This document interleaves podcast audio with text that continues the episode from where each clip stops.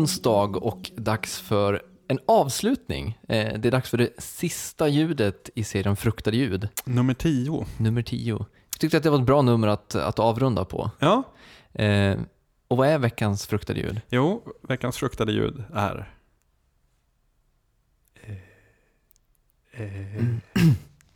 Den pinsamma tystnaden. Ja, och den obekväma Den tystnaden. obekväma tystnaden. tystnaden. Ja. De pinsamma felsägningarna och den obekväma tystnaden. Ja, Eh, vi har inte riktigt jättemånga sådana här i Jobbet i Diktum-studion, tack och lov. nej, vi, känns- vi klipper bort dem. Ja. Men det känns som att de, de, de hemsöker oss förr eller senare i våra, våra riktiga liv. Mm. Och de är riktigt jobbiga. De är bland det värsta som finns. Jag brukar alltid hantera obekväma tystnader genom att prata mer. Och problemet med det är att man, Man- ofta liksom målar in sig längre och längre i ett hörn där man till slut bara vill gå hem och skjuta skallen av sig. Liksom, Mm, för att, jag, jag gör exakt samma sak och det, det tar liksom inte lång tid innan man framstår som en idiot som bara babblar. nej. Speciellt om man är med folk så här, som inte pratar så mycket, men som inte liksom sänder ut några signaler genom att inte... Alltså, jag tolkar ofta så här, okej, han eller hon pratar inte. Mm. Det, det tolkar jag ofta som en, så här, att en diss, eller du vet, att jag gör något fel. Och då pratar jag ännu mer. Men sen så visar det sig att nej, men, de kanske bara inte pratar så mycket. Det är cool, liksom. Mm. Åh, vad jobbigt det är. Ja. Men en bekant till mig, han, eh, han var med om den kanske nästan ultimata obekväma tystnaden. Eh, det var så att han skulle sälja sin lägenhet och eh, mäklaren var på väg hem till honom. Mm. Eh, och när mäklaren då kommer in, han hälsar på henne och sen säger han så här Oj, är du gravid? Varpå mäklaren tittar på honom och säger nej. Och sen följer då 10 sekunder Ah. jobbig, obekväm tystnad. Åh, Den frågan ska man vara försiktig ja, den fäller man inte i, i första taget. med. Ehm, så det, ja, det, det fin- Har du några exempel? Ja, jag har en som är lite jobbig. Det var, jag, ehm, alltså, nu, nu kommer det leda till en massa jobbiga följdfrågor känner jag. Men jag hade ett tag så, av, av en tillfällighet så var mina hårddiskar döpta efter ty- tyskar, alltså sent 30-tal, tidigt 40-tal.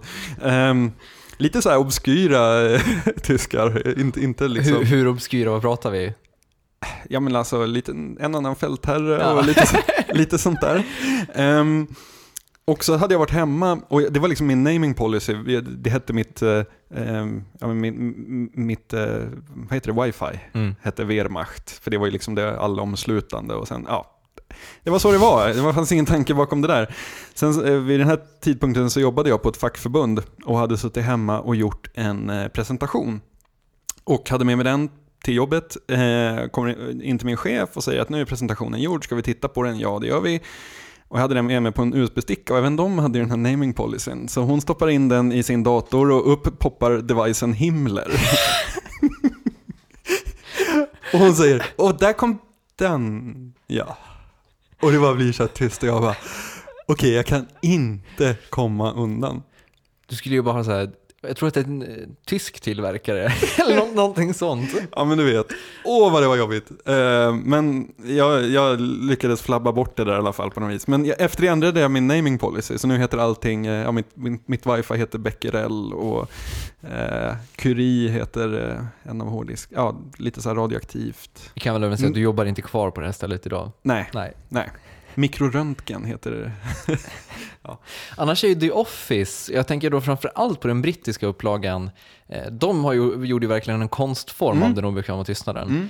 Ehm, och där funkar det väldigt bra. Mm. Eh, Just eftersom att det är liksom ett sätt att uttrycka eh, någon, någon form av idioti eller vad man ska säga. Ja, alltså där blir den obekväma tystnaden blir väldigt talande där. Ja. Någon, någon säger någonting och det blir tyst. Och den, den understryker på något vis. Och det är filmer jävligt dåliga på Mm. överlag. Tystnad. Alltså, om man tänker så här, det är det Rubicon. Mm. Det är därför vi älskar Rubicon. Eh, de, de, de kan vara tysta. Mm. För om man klockar in liksom en, en film idag och jämför med en film på 70-talet. Jag tänker på Andromeda Strain, där de sitter ner och forskar på liksom virus i en bunker och säger någonting. Ja, det kan gå 40 sekunder mellan replikerna. Liksom. Um, alltså den tystnaden betyder så jävla mycket Mm. på något vis. Det är precis som avsaknaden i musik i The Wire. Liksom, att, ja, att inte säga någonting är också att säga någonting. Och det, det verkar många ha missat. Fast, Aaron Sorkin och Gilmore Girls är det ju som har förstört det här. ja, det är det va? Lite grann, där, där är det ju dialogen, Fast- sma, smattrar ju verkligen dialogen. Fast jag skulle säga att det också är liksom, Jag skulle inte säga att det är dålig dialog, Nej. men det, det alltså finns inget Tarantino utrymme är väl också tystnad. lite att skylla på Ja, kanske. Men, men det går ju igen även i klippen. Jag menar hur många sekunder stannar de på varje kameravinkel i dagens film? mm. Tre sekunder max. Medan 70-talet, du vet, de kunde hänga på en kameravinkel hur länge som helst. Liksom. Mm. Ehm, fast då är inte tystnaden nödvändigtvis obekväm. Eh, men tystnad är ju fint på sitt sätt. Mm. Rue Andersson har ju också en hel del obekväma tystnader. Ja. Eh, och det är ju samma sak där. Det, de funkar väldigt bra för att belysa någonting. Mm. Eh, jag tänker även på Ruben Östlund som, har, som använder det på ett väldigt bra sätt.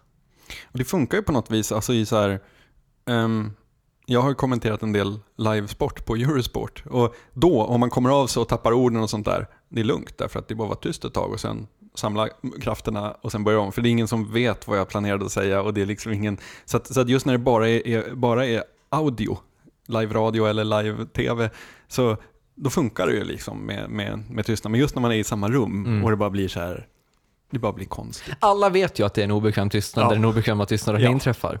Det råder inga tvivel. Nej, och just om det är åt andra hållet, alltså om någon säger någonting till en och så blir de knäpptysta om man vet hur mycket de skäms, då, då så här, överreagerar jag alltid för att få dem att må lite bättre, du vet, eller inte må bättre, men för att understryka att jag tog inte illa upp, det är lugnt, alltså så här, Jag skrattar nog mest Ja. tror jag. Det är också någon försvarsmekanism. ja. Men eh, hur? Ja, jag, jag, jag räds blotta tanken. Mm.